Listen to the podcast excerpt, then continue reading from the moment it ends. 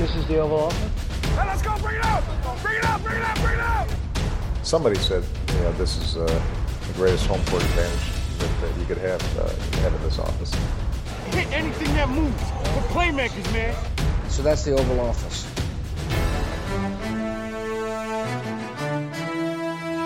Hej og velkommen til det ovale kontor. Vi optager her i dag tirsdag den 21. juli lidt over 3 om eftermiddagen. Jeg hedder Mathias Sørensen, og med mig har jeg som altid Thijs Joranger. Hej Thijs. Hej Mathias. Og med mig er også Anders Kaltoft. Hej Anders. Guten Tag, Mathias. Er du øh, kører tysk i dag? Ja, jeg overvejer tysk eller kinesisk, jeg ved ikke. Jamen, det er godt, vi holder det internationalt. Vi har ikke Mark med i dag, han holder ferie, og det gjorde vi også i sidste uge, men vi er altså vendt tilbage her nu for at lave en optag til Training Camp, som jo altså ser ud, som det ser ud lige nu, i hvert fald som vi sidder her til at starte til tiden. Det er i hvert fald det, der blev meldt ud, og det er også ved at være lidt enighed om, hvordan det skal foregå. Så det skal vi snakke lidt om. Øh, og så skal vi også snakke om det sportslige. Altså, hvad glæder vi os til at se? Hvad, hvad, hvem, hvad for nogle camp battles er, er spændende at følge, og hvilke spillere har brug for en god camp, og så videre. Vi har også en, en nyhedsrunde. Der er jo sket en del, som sagt, i NFL øh, de sidste par uger, så lad os lige vende det også. Inden vi begynder, skal jeg jo lige sige, at vi er bragt i samarbejde med dem, der støtter os på tier.dk. Det kan du også gøre. Hvis du ikke allerede gør det, så gå ind på 10er.dk e og find det ovale kontor. Så kan du støtte os med et valgfrit beløb for hvert program. Vi laver det, vil vi sætte rigtig stor pris på, hvis du gør. Og tak til jer, der allerede gør det. Det er rigtig dejligt at vide, at I gider betale for noget, I egentlig kan få gratis. Nå, de har som sagt en nyhedsrunde. Øh, jeg har bare skrevet, det sejler i Washington. Øhm, Ja, alle ved jo, hvad der er sket. Navnet er væk, Red, Redskins, øhm, og de skal også have et nyt logo selvfølgelig, og så videre, og øh, så kom der også den her sag om ja, sexchikane eller seksuelle krænkelser af, af kvinder i og uden for organisationen af, af ledende figurer, som så også er væk nu. Øh, jeg har skrevet også her, jeg synes bare, at vi tager den kort, fordi vi vil jo egentlig, egentlig helst snakke om noget, der har noget med det sportslige at gøre. Øh, men det er klart, at det her det er så stor en sag, og, og det, det er ligesom beviset på det, vi også måske lidt har snakket om i flere år, netop at det ja, sejler i Washington. Men jeg ved ikke, Thijs, altså, jeg ved ikke, om vi skal forvente nogle større ændringer. Nu kommer der det her navneskift, men det, det lader jo ikke til, at Snyder han ligefrem er på vej til at sælge holdet eller noget. Nej, øh, nu, altså, det frygtelige ved det her er, da jeg læste nyheden, det var, at jeg tænkte, Nå, er det bare endnu en af de sager? Og det er over, altså sådan, at det var ikke over, det, med navnet eller Nej, noget, øh, nu øh, med sexikaner, Ja, ja, det fordi, ja, ja, ja. For, i forhold til Snyder, fordi han, om han skulle være på vej ud, eller, eller hvad det er. Fordi desværre er, at er der bare alt for mange af de sager, og, og det er jo næppe noget nyt, øh, og næppe, næppe noget, som kan desværre chokere mig alt for meget, det foregår i NFL-kredse. Øh, er super, super trist, at det var min første tanke i den forstand. Mm. Også i forhold til, øh, at jeg er ikke sikker på, at Snyder han kan ryge på det her, fordi han ikke er direkte koblet til noget af det. Han, han er ikke en af dem, der er blevet anklaget for, for øh, seksuelle krænkelser eller sexikane. Det, det, det er så kun alle, skulle jeg sige, alle hans nærmeste, der er. Ja, det, og, og jeg ved ja, ikke, om det er jeg fordi... han ikke vidste noget om det. Ja, det er det første af det, og jeg er ja. heller ikke sikker på, at han ikke har gjort noget, men, men, men at de bare har for- formået at ligesom fået beskyttet ham, inden artiklen er, er udkommet på en eller anden måde. Men i sidste ende, så tror jeg ikke, han ryger på det her, og derfor kan man sige, at så kan Washington få lov til at sejle videre under hans ledelse. Man, man kan jo så håbe, at, at det trods alt vil ændre lidt, og Ron Rivera han får lidt bedre styr på organisationen, og de har trods alt fået øh, fyret et par rådne æbler, kan man håbe, og jeg ved så ikke, om de får sat nogle meget bedre ind, det kan man igen håbe på. Men øh, ja, jeg ved ikke, der, er- der er ikke så meget at sige, det er en skrækkelig sag, og Mm det er totalt til grin, og Daniel Snyder er endnu en gang til grin, og Bruce Allen for den sags skyld, som så heldigvis og, og blev fyret i foråret, så lidt mere af sportslige årsager. Øh, men hvor meget der kommer til at ændre sig, Mm. det, det, det ved jeg ikke, og det, Dan, Daniel Snyder skal jo nok frelægge sig rigtig meget mere ansvar, før at altså sportsligt ansvar, før at, at holdet bliver bedre. Det kan så også være, at han har gjort det med Ron Rivera. Øh, Og hvad der så bliver af navnesagaen, det ved jeg ikke. Det, de finder jo nok et navn, og så øh, er, er, det, er, den, er det ude af verden. Det jeg tror jeg ikke kommer til at skabe så store bølger i den forstand. Nej, jeg ved ikke, har du noget til for, Anders, til Og- det her? Jamen altså det eneste, jeg synes, der er, eller det er ikke det eneste, jeg synes, det, det var påfaldende, men jeg synes også, at det er vildt nok, at man ser det. Det er efter hele MeToo-bølgen også, at, at de ikke er klar over, at hammeren falder på et tidspunkt. Altså nogle af de, nu- altså nu var det jo ikke, det var ikke sådan lige ud, meget, og noget af det var, men sådan de sms-beskeder, man har set og sådan noget, det er sådan, de prøver også lidt at, at holde sig øh, holde sig skjult, men man burde måske have lugtet lunden lidt, da man så, hvem der blev fyret, inden den her historie den rullede ud. Ja.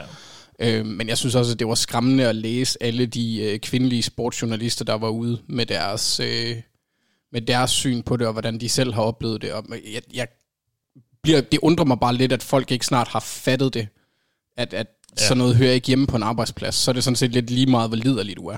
Ja, der var hende fra, fra The, The Athletic, der, der fortalte om en episode øh, under sidste års Combine øh, med ham og Alex Santos, hvor hun, øh, hvor hun mødte ham på en restaurant, og han, øh, han, kom, han havde kommet med nogle kække bemærkninger også før det, og også mens de stod og snakkede der og så videre. Altså det, ja, det, det er så, det er en ting er, at det er forfærdeligt, det sker, men det er også bare dumt, at de her, altså, at det er bare så dumt at gøre det, fordi selvfølgelig kommer det frem på et eller andet tidspunkt, og man ser jo netop alle de her kvindelige journalister, der netop kommer ud med deres, med deres øh, og deres reaktion har været, at de er slet ikke overrasket, fordi de har oplevet det her i mange år. Ja, og i mange organisationer. Ja. Det kan godt være, at det er formentlig... Det, det foregår helt sikkert nærmest, vil jeg gætte på, næsten alle andre NFL-hold også i deres organisation et eller andet sted. Men måske nok ikke lige så systematisk fra høje øh, topledere, eller man skal sige. Øh, så, så, men desværre, så tror jeg, det er meget udbredt, fordi sportsbranchen stadig er en bunke primater, mange af dem. Øh. Ja. Jeg tror også, at det er, sådan, det er sådan adfærd, man altid ser, når der er et magtforhold, og folk de kan risikere at miste deres arbejde, hvis de siger noget. Og så derfor holder igen, så man kunne håbe på, at den her sag, den vil få flere til at, øh, at komme ud, når sådan nogle ting her sker, sådan at vi kan få det, få det ud af verden. Ja. Skal vi så ikke gå videre? Uh, der kommer nok et nyt navn på et eller andet tidspunkt, vi så kan diskutere, hvor, hvor, hvor dumt det lyder. Uh, fordi der er også blevet givet på halv store kontrakter ud, uh, siden vi sad her sidst. Uh, der var jo den her franchise tag deadline, som kom og for, forpassede. Uh, der var ikke super mange af de spillere, der var aktuelle der, der fik uh, nogle kontrakter.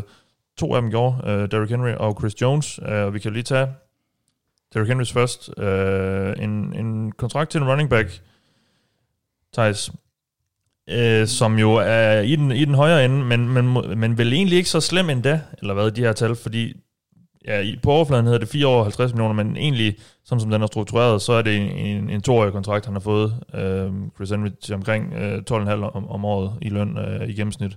Så, så det, er vel, det er vel acceptabelt i forhold til, til Titans, Titans' muligheder fremover.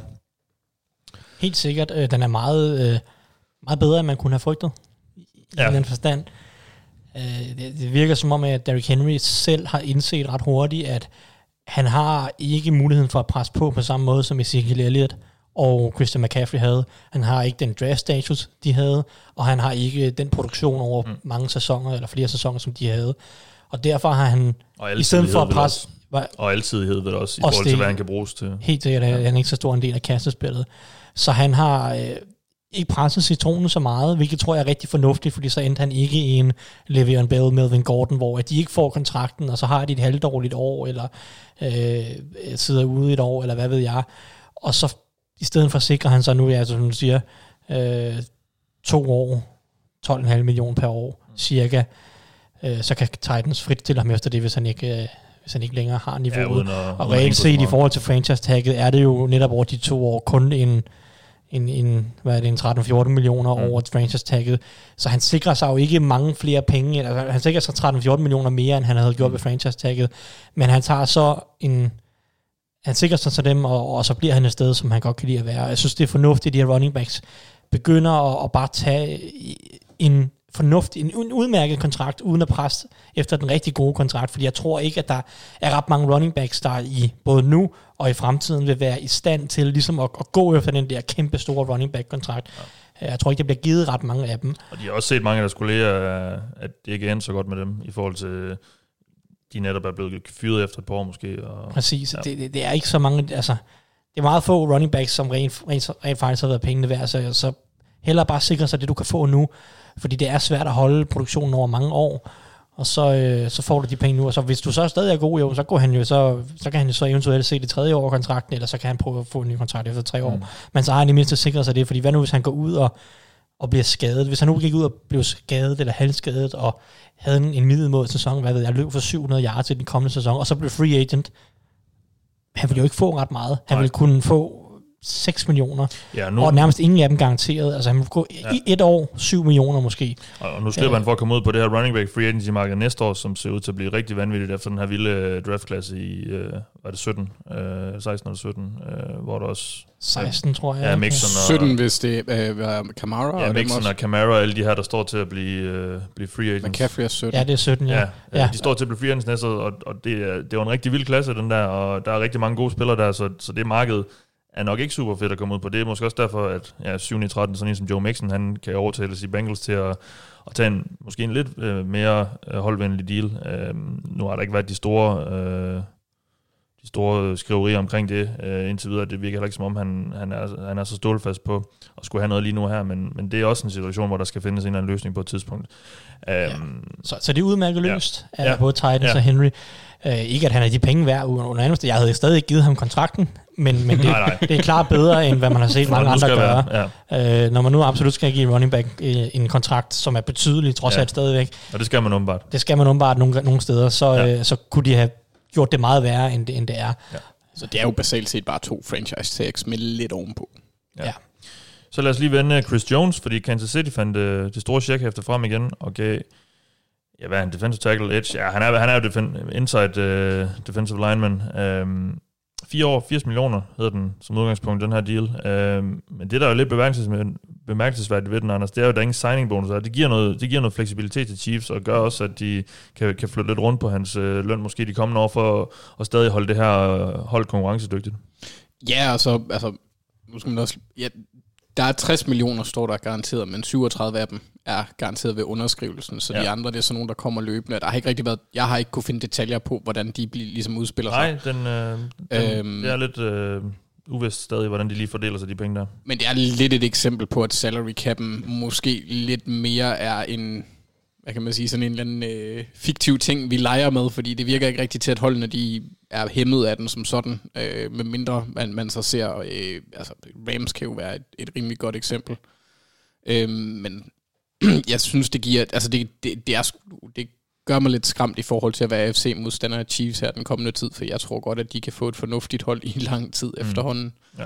Øh, og de udsætter i hvert fald lige problemerne en sæsons tid eller to. Det kan godt være, at der kommer til at ændre sig en lille bitte smule, når, når Kelsey han, han skal have en ny efter 2021, og øjensynligt før, hvis de ikke bare vil lade ham gå der til sidst. Mm. Øhm, men det giver dem da lidt fleksibilitet, det synes jeg da. Og jeg, ja. Altså, det overraskede mig også lidt i forhold til, hvor muggen han gav udtryk for at være op til.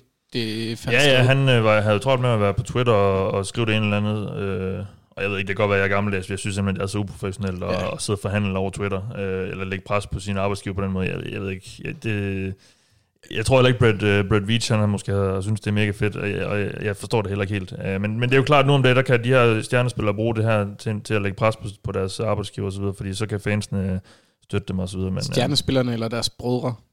Ja, det hedder Tad. Tad. Ja. Nå, nok om, om Dak Prescott. Ja. Øhm, han, han, lider ikke, han lider ingen nød, selvom han ikke fik den lange kontrakt, tror jeg, Cowboys. Men, men jeg synes, det er til, til gengæld en, en fin nok størrelse for ham, i, i forhold til, hvad han, til, Jones? ja, hvad han ja. Tilføjer spillet, og det er meget, ja, meget... klart deres bedste spiller, ja. Ja, og det er svært at finde dem, der skaber pres fra den indvendige side, så jeg kan godt forstå, at man betaler det. Han er jo ikke en, en løbestoppende, han er ikke Brandon Williams for eksempel, mm. Øh, som så til gengæld også er ret sej. Men, men, men han, kan, han kan pass rushe, Ja. øh, og er ret vigtigt for det, øh, for Chiefs også. Ja. Øh, den næste, vi skal snakke om, han er også rigtig god til pass rush. Han hedder Miles Garrett, og han fik også en kæmpe kontrakt. Øh, det var sådan lidt mere ud af det blå, i hvert fald. Det kan godt være, hvis man følger Browns tæt, det skal jeg om, det gør jeg ikke, så vidste man nok, det var, det, måske det var undervejs. Det gjorde jeg i hvert fald ikke, men, øh, men Miles Garrett, han fik sig en, øh, han fik ikke en ny kontrakt, han fik en forlængelse af kontrakten, fordi det blev egentlig lagt på, inden af den øh, slutningen af den rookie-kontrakt, han spiller på nu. Øh, 5 år, 125 millioner, det vil sige 25 millioner om året i snit. Øh, Thijs, men det er vel også de, de, også de penge, man skal give nu om dagen for en, øh, for en stjernepass rusher. Og og selvom vi jo ikke rigtig har set Garrett endnu levere den der helt vanvittige sæson, så det virker som om, det er noget, han har i sig i hvert fald. Ja, uden tvivl. Han er nok stadigvæk, skulle jeg til at sige, den mest talentfulde pass rusher i NFL, eller i hvert fald en af de to-tre mest talentfulde.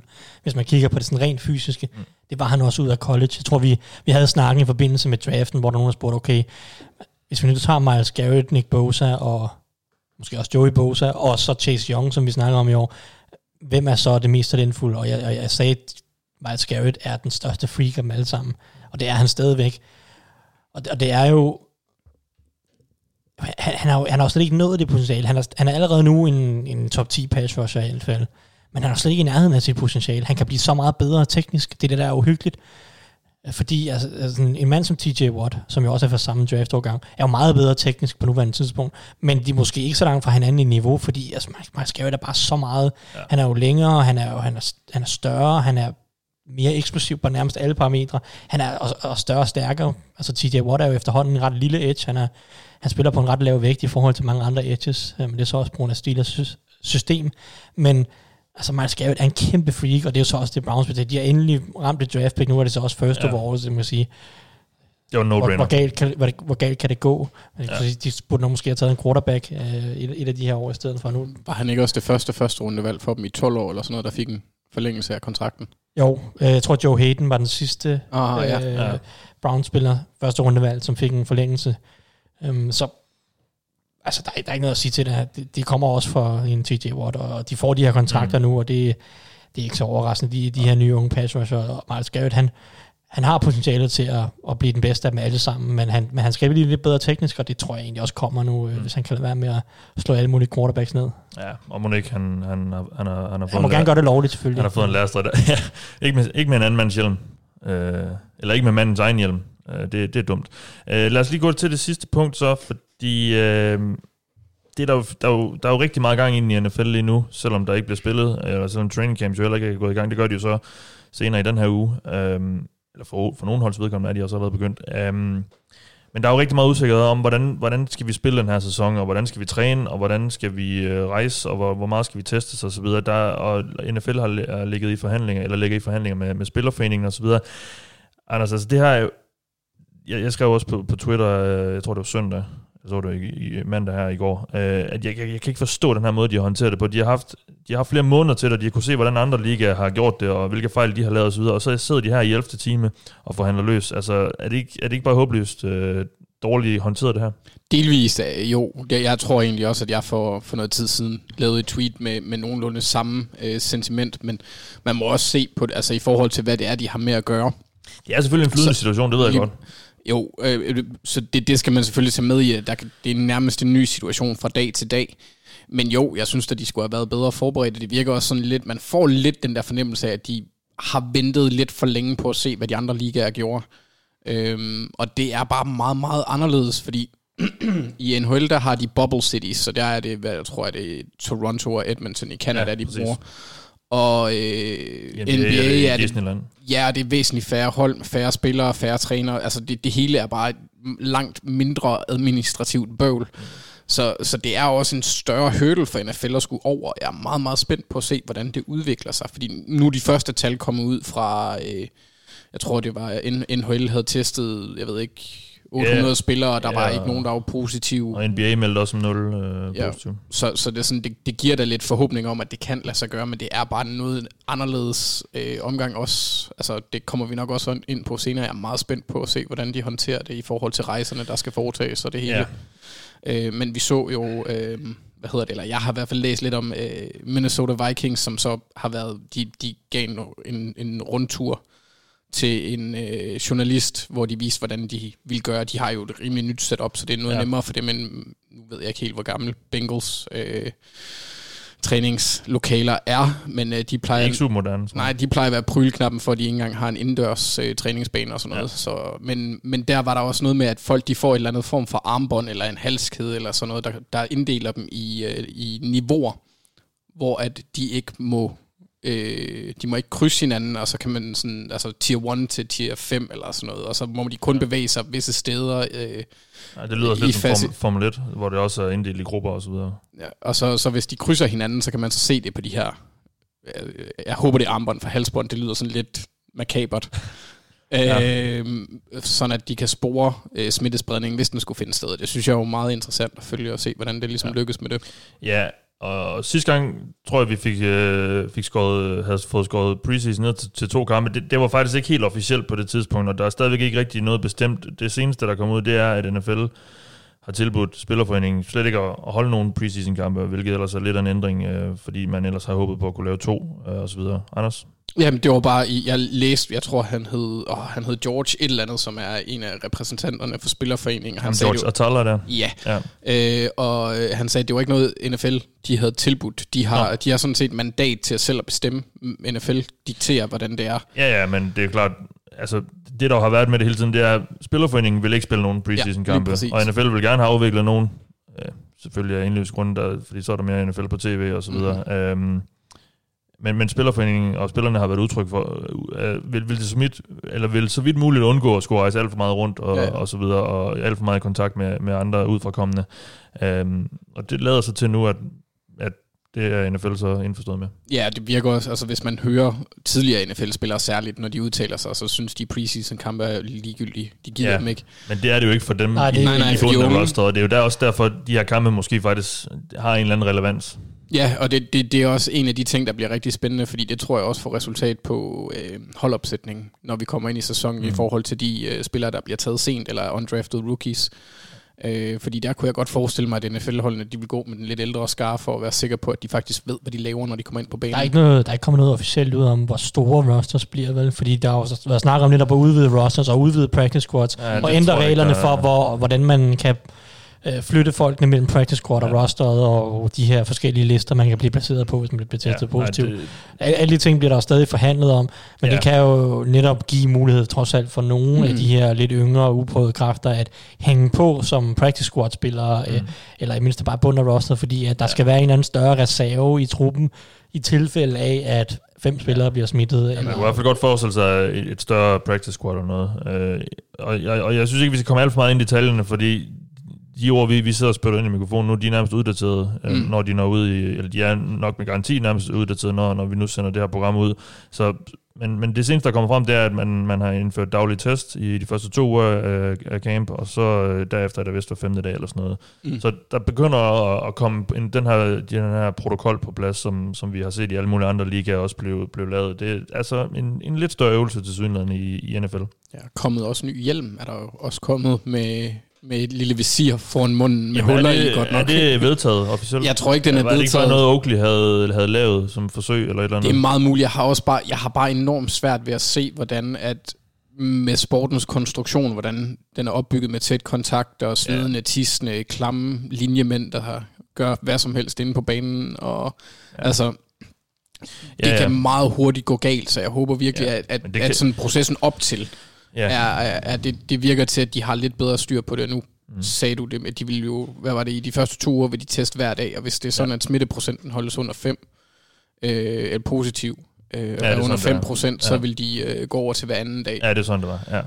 Ja. Øh. Øh, men, men vi har jo set det fungere i Premier League, i Superligaen og alle mulige andre steder. Der kan man godt, og det er jo også kontaktsport. Øh, selvfølgelig ikke lige så voldsom grad som i NFL, men der, der, der, gni- der gnider spillerne også, så også op og ned hinanden øh, med jævne mellemrum. Altså, og der har vi jo ikke rigtig set de her vilde udbrud endnu. Der har været nogle enkelte spillere hister her. Øh, men, men der har jo ikke været de her store udbrud, så må ikke også det kan lade sig gøre i, i NFL? Forhåbentlig forskellen er bare, at de samfund, der har haft de ligaer kørende, de har håndteret, ser det ud til i hvert fald, har håndteret virusen væsentligt bedre, end USA har gjort lige nu. Der er et stort Ej, jeg ved ikke, clusterfuck. Storbritannien, det, det er heller ikke gået for godt. Det? Ah, det er det nok ikke, men øh, der er der ikke nogen, der... Ja, ja, ja, nej, det er, det, det er heller ikke det bedste, men USA Nej. tager godt nok kagen. Ja, det virker det som om. Øh, når mere tilføjet til det her, øh, som sagt, så, så er det jo, kan det jo hurtigt blive uddateret, fordi de sidder og forhandler, en, ja, en- jeg vil tro nærmest, de sidder nu også, som vi sidder her nærmest, og, og finder ud af, hvad der skal ske, fordi det er jo altså, som jeg sagde før, virkelig 11. time, altså det, training camps, de, de, de skal lige til at begynde, og, og sæsonen er ikke mere end halvanden måned væk, så, så der skal til at ske noget.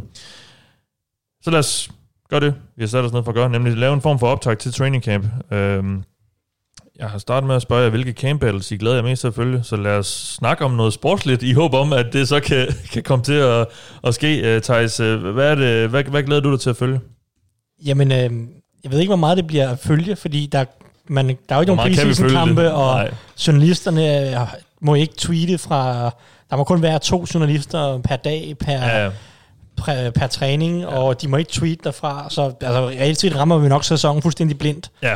Men, men nogle steder i hvert fald på, på holdene, Så jeg hvor- glæder mig hvor- til, at hvor første kamp, hvor vi kan se, hvordan training camp battle har forløbet Ja, af måneden inden. det er jo Men, i øh, regular season. Ja, men altså, det, det, det bliver lidt mærkeligt, men, Ja. ja. men jeg glæder mig til at se, hvordan Los Angeles Rams sammensætter deres offensive linje. Det, Rams er jo et hold, som nu, efter at have været gode for et par år siden, virker til i år, har sådan lidt, lidt startet et mindre rebuild og smidt nogle store kontrakter ud, og skal finde en eller anden måde at udvikle nogle spillere, så de kan sammensætte en slagkraftig tro på. Men hvis det lykkes at sammensætte for eksempel netop en god offensiv linje, så er det jo stadig et hold, der kan nogle ting. Jeg tror stadig på, at McVay han kan drive nogle forsvar til vanvid, og de har stadig nogle gode receiver, og, og hvis der kommer lidt bedre beskyttelse, så måske Jared Goff han også spiller lidt bedre, og på forsvar har de trods alt nogle profiler i Aaron Donald og Jane Ramsey, men jeg føler, at den offensive linje bliver den helt store nøgle positionsgruppe for Rams, hvis de skal have succes i år. De skal lykkes med det her projekt med at finde en eller anden god gangbar offensiv linje igen. At det så godt kan blive lidt svært, det kan vi jo så prøve at snakke om ja. nu, men, men, men, men altså, de har selvfølgelig Andrew Whitworth på venstre tackle, og han sidder på den, og han er fin, han er solid, som, mm. som, vi, som han nærmest altid har været. Ja, men mindre han lige pludselig falder ud over den der øh, famøse kant der. Ja, det, det, det, er ja. selvfølgelig, det er der selvfølgelig altid risiko for. Hvis det sker, så tror jeg, jeg giver op på den her linje. Så ja. han, han, han skal være en eller anden form for anker på den ja. her linje, og så må, ja. vi, så må de prøve at se ud af, se, se, finde ud af, hvad de kan ligesom sammensætte på de fire andre positioner. Fordi der har de, de har en del forskellige muligheder, men det er også godt nok nogle usikre kort alle sammen. Hvis vi kigger på, sådan, på guard-positionerne, så har det jo tidligere i hvert fald været Austin Blythe, der har været sådan, han har været rimelig sikker mand, og han var også sikker mand sidste år, spillet 1000 snaps. Øh, og så Joseph Noteboom, ligesom inden sidste sæson, var det ham, der skulle tage over. Han gjorde det så ikke ret godt, specielt sådan i løbespillet. Han, han er en ret dårlig runblocker. Det var han også i college. Det var faktisk ret skrækkeligt at se på. Det er han ikke rigtig blevet bedre til. Så det er lidt usikker Noteboom. Han spillede ikke så meget sidste år. I stedet for så kom uh, David Edwards ind midt i sæsonen. Øh, Austin Blythe blev også flyttet ind som center, fordi Brian Allen blev skadet. Så de har en, en spiller som Austin Blythe, som sandsynligvis er nok det næst sikreste kort på den her linje. Man skal han spille guard, skal han spille center. Så har de uh, netop David Edwards, der var rookie sidste år. Jeg mener, han var et femte rundevalg uh, ud af Wisconsin. Han kom ind og gjorde det på guard, så han, han var acceptabel på guard i hvert fald. Mm. For, for en rookie at være der gik det andet. Så man håber på en eller anden form for udvikling frem, så han måske kan sætte sig på den anden. Og så er der så en type som Austin Corbett, jo en, en rimelig højt draftet spiller i Browns, ja. som jo floppede totalt i Cleveland, øh, blev traded til Rams, ja, det var måske for et syvende rundevalg øh, inden sidste, eller i starten af sidste sæson, meget billigt. Han spillede faktisk også 500 snaps for dem, og altså, det var ikke lige så meget en dumpster fire, som det var i Cleveland for ham. Øh, altså igen, ligesom Edwards, ingen spiller, jeg vil kalde god, ingen spiller, jeg stoler på på nuværende tidspunkt, men måske er der noget der. Så altså, de har en, en gruppe indvendigt med Corbett, Austin Blythe, stadig Brian Allen, som så blev skadet midt i sæsonen. Han var så ret dårlig sidste år, Brian Allen, øh, inden det, så han er langt fra et sikkert kort. Øh, David Edwards, Joseph Noteboom, og så måske der, de har et syvende runde valg i Trayman Ankrum. De har sådan en, en stor gruppe derinde, hvor de skal finde tre mand, de føler, de kan stole på, og måske også finde et angreb, som passer til den offensiv linje. Der var meget snak om, hvordan at, at, at Rams, de ændrede lidt offensiv halvvejs i sidste sæson, sådan løbe med, i stedet for at gå for, eller spille det her meget white zone orienteret, orienteret løbeangreb, så begyndte de at, at løbe bolden lidt mere op i midten, lidt mere powerbaseret, fordi det måske passede nogle af de her typer lidt bedre. Øh, så, så hvordan de ligesom sammensætter den her offensiv linje kontra det der offensive system, som McVay jo også skal sådan nyopfinde på en eller anden måde. Vi har snakket om, at McVay også skal finde lidt en, en anden opskrift, men ændre sin opskrift en lille smule, eller måske ja. igen nyopfinde øh, nogle forskellige ting. Øh, så hvordan hele det spiller sammen med den her offensive linje, jeg glæder mig rigtig meget til, at vi kan også sige på højre tackle, der Rob Havenstein har mange år været en god højre tackle, men han var skrækkelig sidste år, øh, og blev bænket halvvejs, og i stedet for kom Bobby Evans ind, som var et tredje rundevalg og en rookie sidste år, jeg ved ikke rigtigt, om Bobby Evans var heller ikke rigtig god, mm. øh, men, men der skal de også finde en højere tackle. Jeg ved ikke, om, øh, om forhåbentlig kan enten Havenstein eller Evans øh, være sådan nogenlunde pålidelig. Så, så der er en, en spændende øh, dynamik der, fordi Rams jo i høj grad skal udvikle deres eget talent. De har ikke noget første runde valg. Mm. De havde ikke noget i år. De har ikke noget næste år. De skal finde deres eget talent og udvikle det. Og der har de sådan en gruppe her, hvor der er ikke rigtig nogen af dem her, man stoler på, men de skal prøve at finde en eller anden opskrift her i den her sæson øh, uden preseason kamp alt det her. Det hjælper ikke en uerfaren offensiv linje på, på nogen som helst måde. Men jeg glæder mig meget til at se, hvordan det udspiller sig, når, specielt når sæsonen går i gang. Ja. Øhm. Så, så Whitworth er det ene sikre kort? Ja, vi, vi, vi ja, stoler på Whitworth, og så resten, altså det, nu har jeg nævnt øh, 8-9 navne ja, her, ja. og de kan alle sammen slå fejl. Altså i ja. virkeligheden, der er ikke nogen af dem her, som jeg sidder og tænker, jeg tror på det der, mm. men, men håbet er jo, at de finder måske så i hvert fald to eller tre ud af de her ni, så de har måske 3-4 pålidelige, altså nogenlunde pålidelige spillere. Øh, men, men altså, det kan også sagtens gå galt, og så skal de ud og drafte øh, tre offensive linjefolk næste år nærmest. Ja. Så lad os gå til dig, Anders. Ja. Øhm, hvad er det for nogle øh, camp battles? Ja, hvad, hvad var det, vi kaldte det sidste år? Øh, træningslejre-dueller, kan vi kalde dem. du ser frem til at følge. Jamen, altså, øh, det er da det, det danske ord for det, er ja, det? Jo, jo, ja, jeg synes også, det er delikat. Det får mig til at føle ja. mig lidt fransk. Det er også meget øh, mundret. Det, sådan, det ligger godt i munden. Ja, træningslejre-dueller. Ja, ja. nemt at sige. Ja, ja, ja. ja. Besnørende. Øhm, øh, nyt ord, jeg har fundet på. Ej, det er faktisk et Det er ord. dejligt ord. Ja, det er det. Øhm, nej, jeg glæder mig meget til at se, hvordan Steelers receivergruppe udfolder sig i forhold til, hvem der indtager hvilke roller. Vi er jo rimelig sikre på, at uh, Juju Smith-Schuster, han er han deres nummer et. Men Ja. derefter... Ja, Thijs, det... uh, derefter... Og så der langt er du vel enig. Ja. Derefter Ja, er det... jeg, jeg tror ikke, han kommer til at være deres et i år. Nummer et i år. Okay. Men det er han selvfølgelig gående ind til camp. Ja. Jeg tror, jeg tror, Deontay Johnson bliver Steelers primære receiver i år. Men uh, det er bare min ting. Ja, og, og det er jo netop det er sjovt at se, hvem der ligesom kommer efter, hvordan de udfylder rollerne, fordi Steelers har egentlig en... De har en opbygning, der passer sindssygt godt til Bruce Arians system efterhånden, for de har to receiver, der er relativt gode øh, ruteløber og gode finurlige, øh, lidt små fædre, og så har de en række spillere, som er rigtig dygtige til de lange bolde, eller i hvert fald semi-dygtige. Kunne jeg forestille mig også med, nu Chase Claypool har jeg ikke set super meget, men i forhold til hans størrelse og hans agilitet, så kunne jeg også godt forestille mig, at hans største trussel, det var ligesom at gå dybt. Så jeg er meget, meget spændt på at se, hvordan den ligesom fordeler sig mellem netop øh, Juju og Deontay Johnson og James Washington og Dion Kane, om han bliver til noget. Øh, ham har jeg jo haft et lille godt øje til siden for tre år siden, i en, nej, to år siden i en, i en minicamp, rookie minicamp. Jeg blev draftet af Colts, ikke? Jeg er jo undrafted, tror jeg. Fra, Ja, jeg tror, det var femte runde øh, Var det ud det? af, ud af Okay. Clemson. Femte, sjette yes. runde. Okay. Øh, og og han, han, han fik lidt tid sidste år, hvor han greb ni bolde, øh, hvilket jo i og for sig ikke er super meget, men tre af dem var for over 20 yards, og syv af dem var for første down, så det er jo alligevel rimelig vigtige bolde, han greb der, og så trods alt skal man også lige tænke på, hvem det var, der kastede til ham. Øh, selvom jeg ikke vil- skal sige noget ondt om, om Doc Hodges, men jeg vil gerne sige masser af onde ting om Mason Rudolph, for han er en kæmpe hat og kan ikke finde ud af at kaste en bold. Øhm, præcist i hvert fald.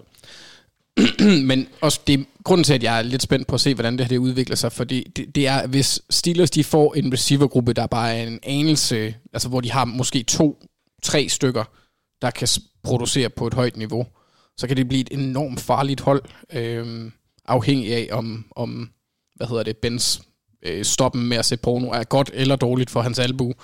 Øh, så, øh, så jeg er lidt spændt på at se, hvordan det ligesom forløber i forhold til min idé om, at, at Steelers er, bliver et af de mest skræmmende hold næste år på grund af hele holdets opsætning. Så hvis en offensiv del kan komme til at øh, fungere, så bliver, så bliver det et af de hold, der godt kan gå op og, og, og slå på klingen med Kansas City, tror jeg, på grund af det forsvar, de har.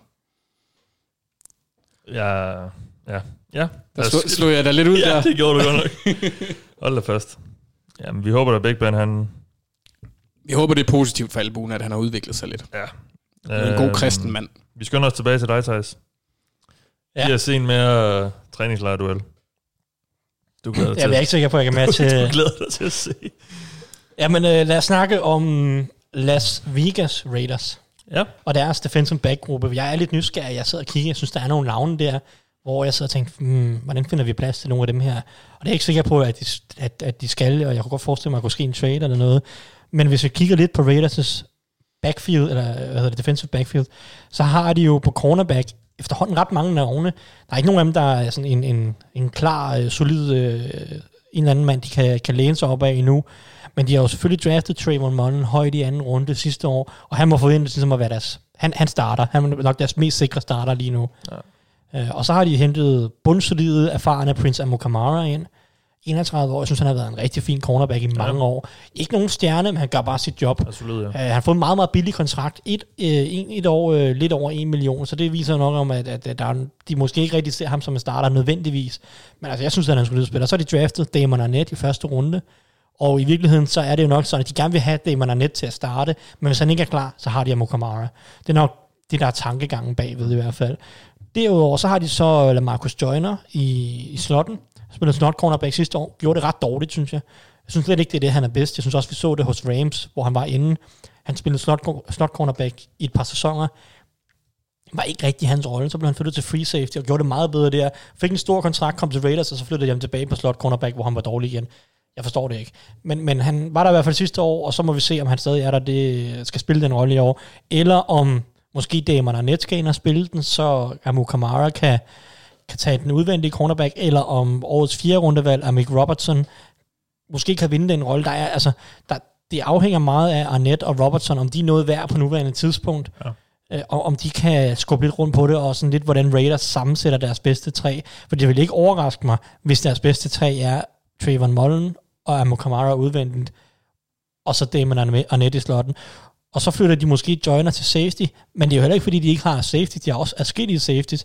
Jonathan Abraham selvfølgelig missede det meste af sin rookie-sæson Ja, med en skade. rundevalg, ja. Ja. Første rundevalg. Han må antage, at han skal spille. Ja.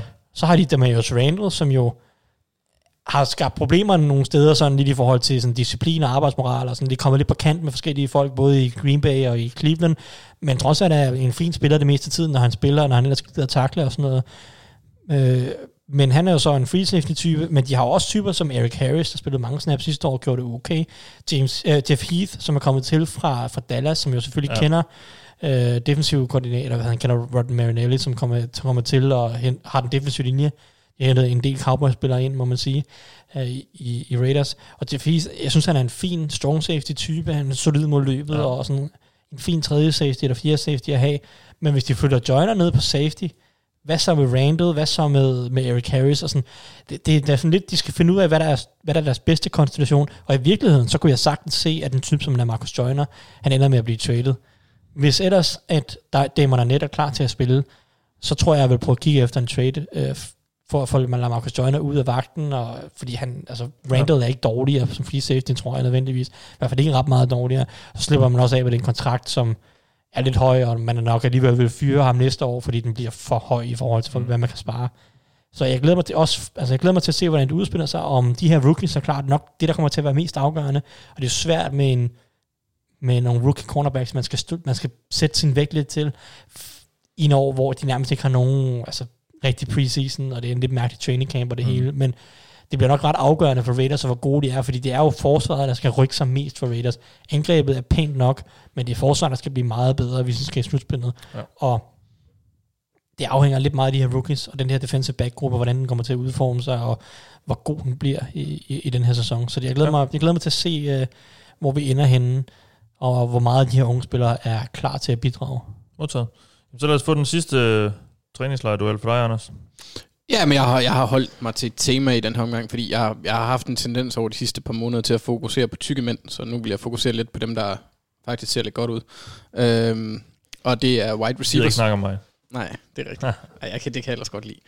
Øhm, Vikings øh, wide receiver, de har jo lidt et, et hul efter de traded Stefan Diggs. Så det er egentlig, det er egentlig kun Adam Thielen, der er, hvad kan man sige, der er, en, der er en etableret sig som en, en rigtig god spiller. Og så, så tog de Justin Jefferson og KJ Osborne i, i draften, som er, er spændende spillere. Og bag det, der er det sådan lidt spændende, og syn- eller sådan lidt, eh, hvem, hvem, skal, hvem skal komme ind og tage over her, fordi de har en række spillere, inklusiv, altså jeg går ud fra, at, at Justin Jefferson og Adam Thielen, de skal nok få den spilletid, man må forvente i forhold til, hvor de er draftet.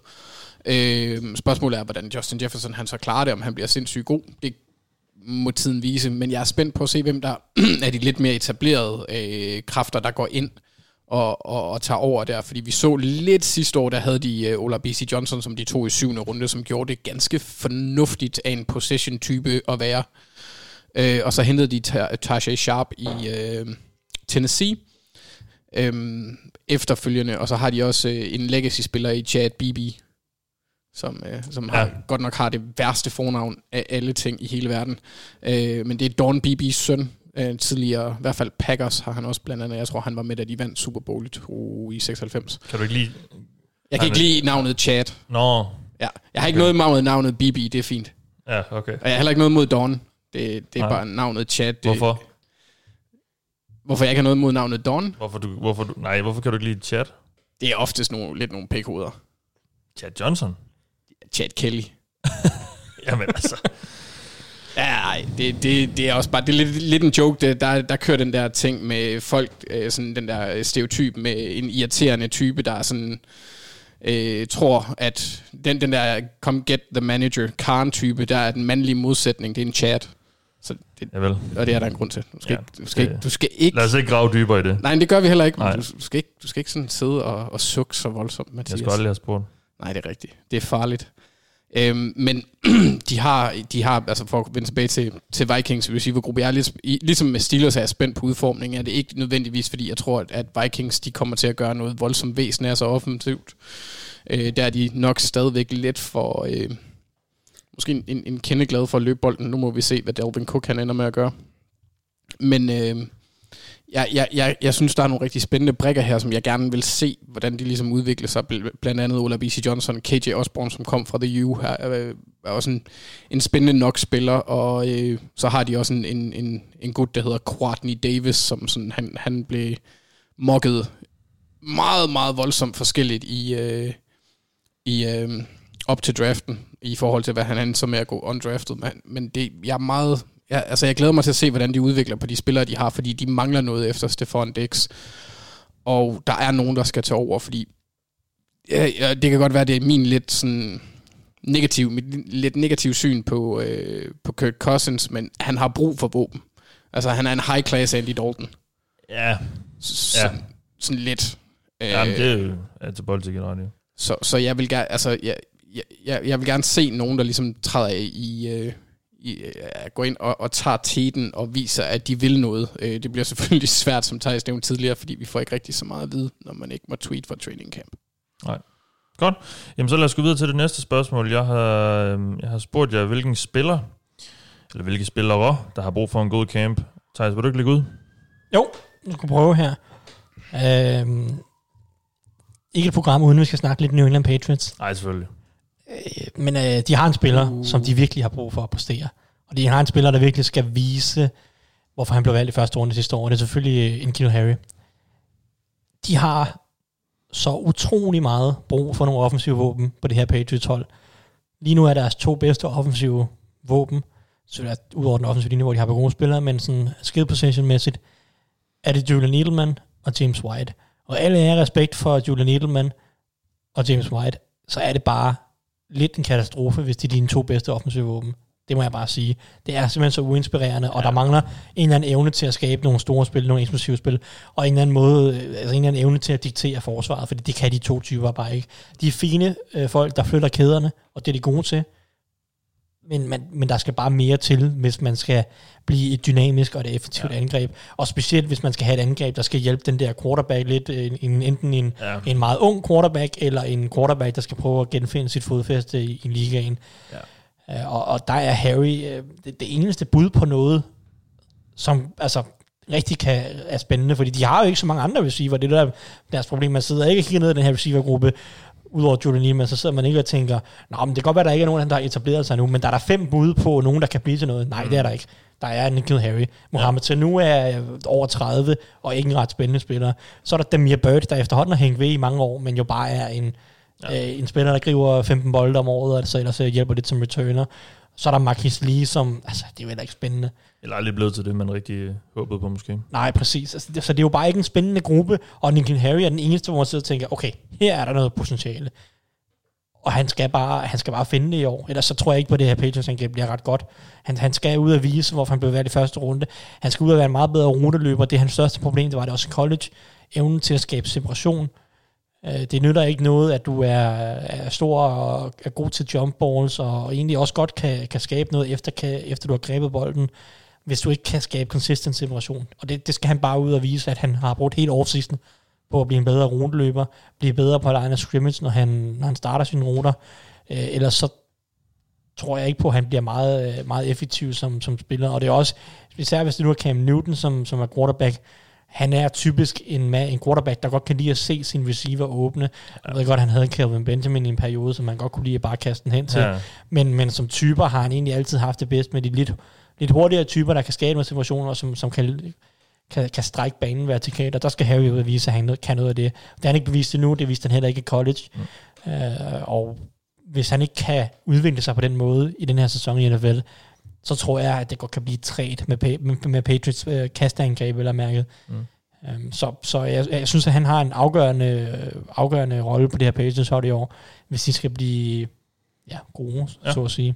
Er, er det egentlig ham, der skal strække banen for dem? Nej, Forhåbentlig ikke, øh, som, som, som sådan er han ikke en dyb trussel. Det er, det, det er nok mere end Demir Bird, der skal ind og hjælpe lidt med det. Men, men han skal bare vise, at han kan skabe separation med lidt, lidt længere ned ad banen. Altså, Julian Nielmann arbejder jo meget i det her sådan 5 yards ned ad banen til 12 yards ned ad banen. Og der skal, der skal ud, Nikhil Harry ud og vise, at han kan lidt mere på, på postruter, på dækruter, hvor han kommer ind over midten 5 yards ned, eller comeback-ruter. Han, han skal ikke nødvendigvis gå ud og vise, at han fremragende ruteløber. Han skal bare ud og vise, at man kan stole lidt på ham til at, til at flytte kæderne lidt og, og skabe nogle store spil, og øh, ellers være, altså, det, det, hans største styrke vil nok altid være at vinde nogle af de her jump balls, fordi han har ret god timing og ret gode jumps i, i, sådan i og angribe bolden i luften på den måde. Det vil nok altid være hans primære force, men, men det kan du bare ikke kun vinde på i NFL. Du skal bare have mere til dit spil, og der skal han ud og vise, at han også kan vinde øh, som ruteløber lidt mere på, på livet, eller sådan consistent. Ja. Øh, så, så det er ikke, nej, det er ikke ham, der skal vinde dybt som sådan. Det, det vil jeg overlade til Demir Bird, eller Det var egentlig også mest, fordi jeg havde svært ved at se nogen på rosteren, der sådan var gennemgående. Jamen, Stærke jeg, på den. Jeg tror, Damir Bird er deres hurtigste receiver. Det vil jeg gætte på. Det, der, der er ikke nogen af dem her, der er rigtig hurtige, øh, sådan i den forstand. Mm. Øh, og det, det, det er selvfølgelig øh, også en anden ting, som, som ofte har givet hold problemer, hvis de mangler fart offensivt. Øh, og, og det gør de jo lidt, og de mangler bare våben generelt. De har heller ikke nogen tight ends. Øh, det er også rookies, ja. dem de skal håbe på der. Så det er derfor, at Harry skal ud og vise, at han, han kan være en eller anden form for første receiver. Et bud for dig, Anders, på hvilke spillere, der har brug for en god camp? Jamen, altså, jeg, jeg, jeg samlede, eller jeg har valgt at samle den lidt i forhold til, øh, det, det er Ravens øh, backup guard, måske startende guard, øh, Bradley Boseman, og så øh, Patrick McCurry, øh, som begge to har spillet øh, både på center og, og guard, men Ravens investerede relativt hæftigt i, i øh, hvad hedder det, i offensiv linje her i draften, og de hentede også DJ Fluker ind efter, øh, jeg kan ikke huske, om det var inden eller efterfølgende, men øh, til at erstatte hullet efter, efter geden. Og generelt har de egentlig bare hentet rigtig mange unge spillere ind til den offensive linje, som skal teste sig af. Og så fordi Bradley Boseman og Patrick McCurry, jeg kunne forestille mig, at en af dem har en lille chance for at ryge, hvis det er sådan, at, at Boseman ikke vinder starter på left guard. Øhm, hvor at... Øh, hvor der godt kan være en, der bliver en anden af dem her med, med, med Patrick McCurry eller, eller, eller Boseman. Fordi jeg er ret sikker på, at, at Skura, selvom han er på en øh, etårig aftale, han, han sidder sikkert på, på centerpositionen. Øhm, og jeg tror, der bliver en, der, der kommer til at være the odd man out. Så hvis det er sådan, mm. at de ikke har en god camp, så kan de risikere deres job. Fordi de er voldsomt billige øh, og fritstille. Jeg tror, McCurry han vil koste dem 6.000 i dead cap. Det er jo ikke ligefrem noget, der gør nogen bange. Og... Øh, Nej. Boseman, han vil, han vil koste dem 60.000, og hvis det er sådan, at DJ Fluger, han viser sig ikke at kunne fungere i systemet, så vil han koste 25, så der er sådan tre af dem her, som, som har brug for at vise, at de kan øh, fungere i det off- offensive system, som, øh, som Ravens sætter på banen, og, og Ja. det, altså, det, det er jo selvfølgelig, nu nævnte jeg DJ Fluger, Boseman og McCurry har lidt en fordel, fordi de har spillet nogle år i systemet, og Boseman virker til at være afholdt af, af, af trænerstaben også. Han har jo været der siden 2017, så han har nogle, ja, 18, men har nogle år på banen der i forhold til det, og er, er relativt versatil. Men jeg er meget spændt på at se, hvordan den offensiv linje den udformer sig. Jeg tror, at taberen af, af den kamp godt kan begynde at kigge efter et nyt arbejde. Den, der taber, er- er- bliver det Killingen? Det kommer an på, hvordan man ser på tingene. det, er en, det, er en, øh, det er det, man kan kalde en, øh, en flydende definition. Ja, okay. Thijs, øhm, en spiller eller flere, der har brug for en god camp? Jamen, jeg har taget to med, som spiller samme position for Indianapolis Colts. Og det er, det er Ben Banogo og Kimoko Turai, øh, som er de her to unge pass som, er, som holdet har taget i anden runde henholdsvis i 2018-draften med, med Turai, og, og 2019-draften med Banogo. Og det er fordi Colts, vi sidder meget og snakker om, det er spændende her med deres angreb. Jeg har en super god offensiv linje. Philip Rivers kommer ind, og T.Y. Hilton, og Michael Pittman, og Jonathan Taylor, og alle de her, altså, det er sjovt, og det er spændende og sådan noget. Men i virkeligheden, så øh, skal forsvaret, der skal lige så meget af, af bidraget for at gøre de her Colts hold godt, skal komme fra forsvaret, hvor de har manglet stjerner. De har været et okay forsvar, fordi der har været mange fine spillere, men hvor er stjernen? De har Darius Leonard, eller havde, øh, også sidste år, men hvem skal komme med noget mere? De har selvfølgelig hentet øh, det Forrest Buckner ind til netop at hjælpe pass rushet. De har Justin Houston, som stadig er en rigtig dygtig spiller, og det er jo nok, der, den trio er nok deres, ja, deres bedste spillere på forsvaret, de tre, men der skal mere til, og især, især pass rush-mæssigt, fordi de har investeret så meget på pass rush, jeg synes jeg, de sidste par år. Øh, de har også en Tyquan Lewis, som de valgte i anden runde. Ham tror jeg så ikke så meget på. Jeg tror, tror mere på, at det skal komme fra netop Banogo eller Torai. Og det er jo også spillere, som hvert fald Torai har vist i glemt, at han kan være en rigtig farlig pass rusher. Øh, sidste år, der havde han øh, 14 pressures på nogle af 80 snaps inden han blev skadet. Han spillede ikke en fuldtidsrolle, var bare pass rusher, og noget af det kom også bare, fordi han bare abusede Cameron Irvin for Chiefs, da han var inde og spille venstre tackle, og som vi alle ved, så er Cameron Irvin lidt af en katastrofe, specielt på venstre tackle. Ja. Uh, så det er jo ikke noget, han skal have super meget kredit for som sådan. Men, men Torai er en spændende atlet, det er Bonogo sådan set også, det er begge to eksplosive typer. Og, og, og altså, de har brug for en af de her to bryder igennem i år. De har brug for, at de kommer ind, også bare fordi Justin Houston er gammel, det er sandsynligvis hans sidste år i Indianapolis. De har brug for nogen til at tage over for fremtiden, øh, som pass rush øh, komplement til, øh, til, til, Forrest Buckner. Ellers så tror jeg, at det her forsvar igen bare bliver sådan, det er okay, men det rykker ikke rigtigt. Mm. De har brug for nogen til at lave de her store spil, og det, det tror jeg er Ben Banogo eller Kemo, Kemo Kuturai, der skal gøre det.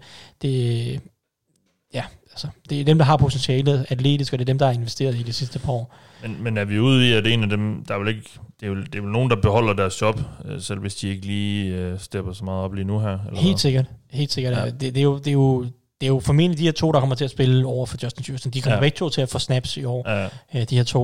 Men det er et spørgsmål om, hvem af dem, der tager teten, hvor mange mm. snaps de får, og øh, hvor, hvor, hvor meget de udvikler som, som spillere for mig, føler jeg lidt af begge to, at, at i år er et nøgleår i forhold til, hvad, hvad vi kan forvente fremover.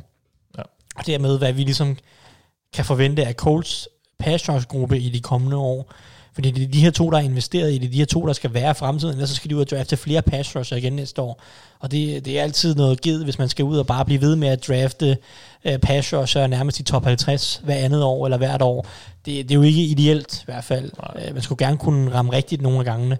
Og der, der føler jeg, at i år bliver en, især for Torai, som så er fra et år før Banogo, det bliver virkelig, virkelig afgørende, at han går ud og viser et eller andet i år øh, og slår sig fast ja. som en rigtig, rigtig dygtig pass rusher. Så de to skal, skal ud og have en god camp, og, og, og så bære det over ind i sæsonen, så de mm. kan komplementere Buckner og Houston. Hvis det så også lykkes, at de får en god pass rusher over for Houston ved siden af Buckner, så har vi også tre trusler på den defensive ja, ja. linje, og det vil så i høj grad også kunne hjælpe en secondary, som måske er lidt usikker med Xavier Rhodes og en, og en ung Rocket Sin, som vi stadig vi ved, vi ved ikke, hvad der kommer for de to i år endnu. Øh, det kan blive rigtig godt, det kan også blive middelmåde, det kan egentlig også blive dårligt. Ja. Så, så, så det vil hjælpe rigtig meget, hvis at vi kan få den tredje trussel op foran ved siden af Buckner og Houston. Ja, godt. Jamen, øh, jeg tror, vi bliver lidt på den defensive linje, eller hvad, Anders, med dit sidste bud? Ja, det gør vi, og vi, vi går lidt øst på til det Forrest Buckners gamle holdkammerat Solomon Thomas. Vest. Vest på. Ja, det må være vest. Vest på. Vest på. Godt, det er øh, corona forvirret. Kan man ikke bare altid sige det, når man siger noget forkert? Jo, jo. jo øh, Cabin Fever. Øh, han vil jo som altid være husket for at være den spiller, der blev valgt, eller der blev traded væk, eller hvad kan man sige, hvor valget blev traded til, til, til Bears for Mitch Trubisky. Så, øh, men, men nej, han, jeg er meget spændt på at se, eller ikke spændt på, han skal gøre det godt. Øhm, fordi der er, der er lidt der er nogle forskellige spillere. Nu, nu er det Forrest Buckner godt nok råd ud, men de øh, draftede Javon Kinlaw, som jeg går ud fra, de, de har rimelig store forhåbninger om at skal gå op og, og begynde i hvert fald at tage, tage starterpladsen fra øh, Solomon Thomas, der lige nu i hvert fald på den depth chart, jeg kan se, er slottet ind som starter. De har DJ Jones hos øh, San Francisco, som gjorde det fremragende ind, han blev skadet sidste år. Øhm, de har hentet en tidligere Ravens-spiller, der hedder Willie Henry, der også er en rimelig sådan, solid defensiv tackle. Og Solomon Thomas, han er... Jeg, jeg tvivler på, at han er at finde øh, hos 49ers næste år. Og derfor er det relativt vigtigt for ham, at han får lidt spilletid, så han kan vise, at det, han har vist de foregående tre år, ikke er, er sine for den spiller, han kan blive. Mm. Øhm, fordi han har, han har produceret 5-6, og det er simpelthen ikke godt nok for en spiller, der har spillet to årene på Edge, øhm, når man er blevet taget i top 3. Og jeg er lidt bange for ham øh, i forhold til med, at han skal have en god camp, fordi sådan løbende, hvis man kigger over de to første sæsoner, der har han bare spillet færre og færre snaps øh, for 49ers. Øhm, han gik fra at spille omkring de 60 i de to første år til at spille kun 41 procent af dem sidste år, og startede kun tre kampe ud af 16. Det er ikke rigtigt det, man gerne vil se fra et top 3-valg i år 3. Øhm, så han, han skal op sig, øh, hvis han skal have en, øh, gøre sig en forhåbning om at få i hvert fald en nogenlunde fornuftig kontrakt øh, næste år. Jeg, jeg, jeg, vil, jeg, jeg er helt enig med dig, og jeg vil ikke udelukke, at han kunne blive traded i den her camp, eller mærke, hvis han ikke rigtig viser noget, og en type som Julian Taylor, som, som var et syvende rundevalg i 2018, hvis han går ud og flasher lidt og viser nogle ting, og DJ Jones måske, som du siger, som har spillet ret fornuftigt sidste år, viser sig klar til en endnu større rolle, så vil jeg ikke udelukke, at de kunne finde på at trade ham, og jeg tror egentlig godt, de ville kunne få noget for ham, vi snakker jo et 6. rundevalg, eller et 7. rundevalg, eller noget stil. Men jeg kunne godt forestille mig, at de bare siger, vi har tænkt os at cut ham, så hvorfor ikke, ja. øh, hvorfor ikke prøve at få noget for ham? De sagde vel også nej til hans femte års Det, det gjorde de, ja. men hvis de cutter ham, så koster han dem stadigvæk omkring 5 millioner på kappen. Ja. Så, så. Det er jo lidt, øh, jamen det er, det er lidt en ærgerlig historie med ham også, fordi han har jo, øh, han har jo kæmpet vist ret meget med nogle mentale øh, problemer mm, ja. og depression og så videre, efter hans, øh, var det søster, der begik selvmord eller sådan noget. Øh, så han har været ret langt nede, men var vist kommet, kommet ovenpå igen sidste mm. sæson, og jeg, ja, man kunne håbe på, at han, han kan finde en eller anden, øh, en eller anden form for rytme og, og noget stabilitet. Mener også, de rykkede, altså han rykkede position. Sidste år rykkede ind på defensive tackle, hvor han fik nogle lidt andre øh, hvad kan man sige, opgaver, og, og det, ja. det skal han vel også lige have lidt tid til at udvikle sig i, så jeg håber der på, ja. at han gør det godt, fordi han er også netop det, du nævner, det er en af de ting, som vi ikke ser så tit, det er de der store stjerner, der går ud og fortæller om, fortæller om mentale problemer. Det synes ja. jeg selv er ret vigtigt. Så, så og der er ingen tvivl om, det kan hæmme, hvad der så kommer ud øh, på banen. Væsentligt. Øh, så jeg håber på, at han, øh, han, han, han finder en eller anden form for, for jeg vil lige sige anden ungdom, men, men altså han finder det, at han kan, kan bruge det potentiale, man, man så for ham i, øh, i college. Ja.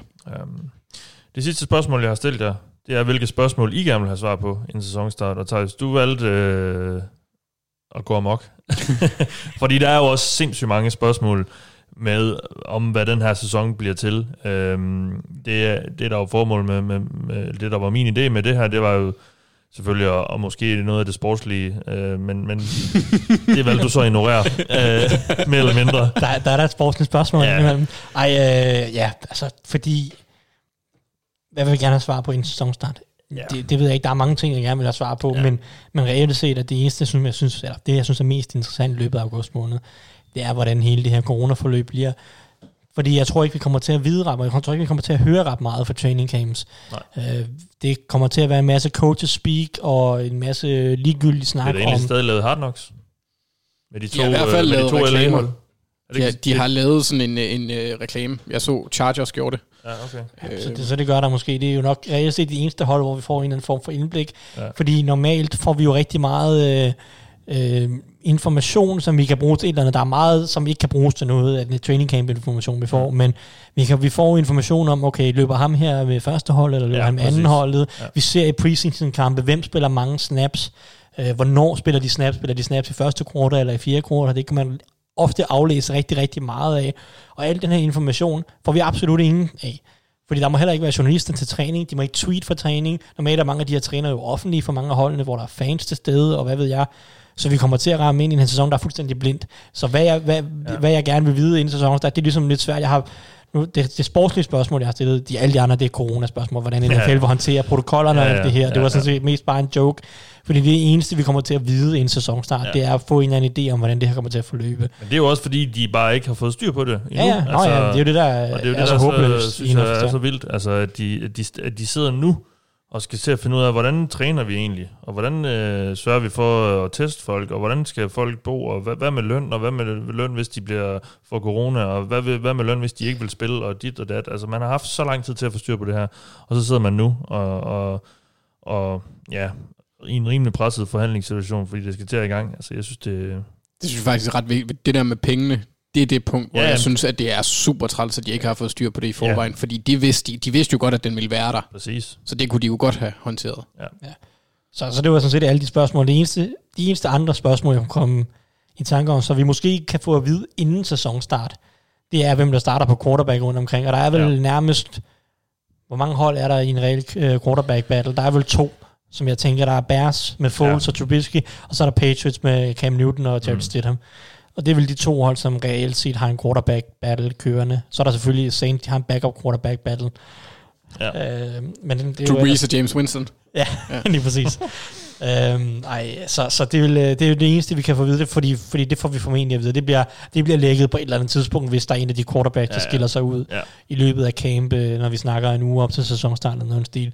Så det er den, jeg har valgt at fokusere på, hvem kommer til at starte på quarterback. Nu er det så mest Patriots, fordi det der med, ja, det er mest interessant, synes jeg, Newton er det mest interessante af alle de her fire quarterback. Hvor god er han? Hvad, er han, hvad kan han? Mm. Og det er jo, kunne man jo håbe på, at man får lidt at vide om, hvordan han ser ud i training camp. Der er ikke nogen garanti. Det er jo Patriots. Det er jo, øh, hvad, hvad er det, Claus Elming har at sige? Det er Fort Knox deroppe. Ikke? Så ja. jeg er ikke sikker, at vi får noget som helst at vide. Det kan være, at Patriots bare møder op til sæsonstart, og så tre timer før kampstart får vi at vide, hvem der starter på quarterback. Jeg, jeg, jeg tror, jeg vil sætte mine penge på Cam. Det gør jeg, det gør jeg også, men, men, men, men det er ligesom lidt det. Ja. Ja. det, det, det. Jeg ved ikke, om der er andre information, vi kan få, eller som jeg glæder mig fra. Altså, Jeg, eller jeg glæder forstår ikke det der se. med, at journalister ikke... Journalister må ikke tweet. Nej, men det er jo, det er jo simpelthen bare... Øh, Det smad- det kan det, det er. NFL jo. Det er NFL, Men så, der har det ikke altid været sådan lidt? Eller der har det er været forskellige nogle, fra hold til hold, Ja, hvor meget fordi der de er må nogle steder, hvor de har måttet, Men, og men når, trænerne, når træningerne er offentlige, som, som de er for mange hold i training camp, Ja. så må de godt, fordi det er offentligt tilgængeligt. Fans Ja, ja, ja. ja. også sidde og tweet jo. Ja, ja. Øh, om, om informationer om, hvem der liner op hvor, og hvem der gør sådan noget. Øh, og, og så, så man har jo fået meget information til. Der er så mange hold de sidste par år, som netop er begyndt at sige, okay, vi lukker halvdelen af træningerne, Ja. eller noget stil, og så må der ikke blive tweetet fra dem. Mm. Så ligesom der også er in-season i løbet af sæsonen. Journalisterne er der stadig. Eller, Journalisterne er der st- Ja. ja. stadig mange af dem til træningerne også. Mm. Øh, men, men i år, netop på grund af det her corona, så har jeg, jeg tror, at NFL de er bare de er opportunister. Ser en mulighed for, at eller NFL-holdene er. Nu nu ser de en mulighed for at lukke af, ikke? Ja. Og så, så må der kun være to journalister per træning, og det går så lidt i rotation, som jeg forstår det. Øh, Og, og de må så ikke tweete, hvad der foregår til træning, fordi det er lukkede træninger, der ikke mm. må være nogen fans. Nå, ja. Og, og så derfor kommer den information, vi kommer til at få, bliver umanerligt begrænset. Ja. Så vi kommer til at ramme sæsonen fuldstændig blindt. Øh, så ja, altså, så, så det hvad vi gerne vil vide i sæsonen. Jeg glæder mig til at se, hvordan det hele forløber med coronagøjlet. Om de kan, hvor mange der er smittet, når de møder ind i camp her i løbet af den her uge. Hvordan det smittetal forløber over august måned.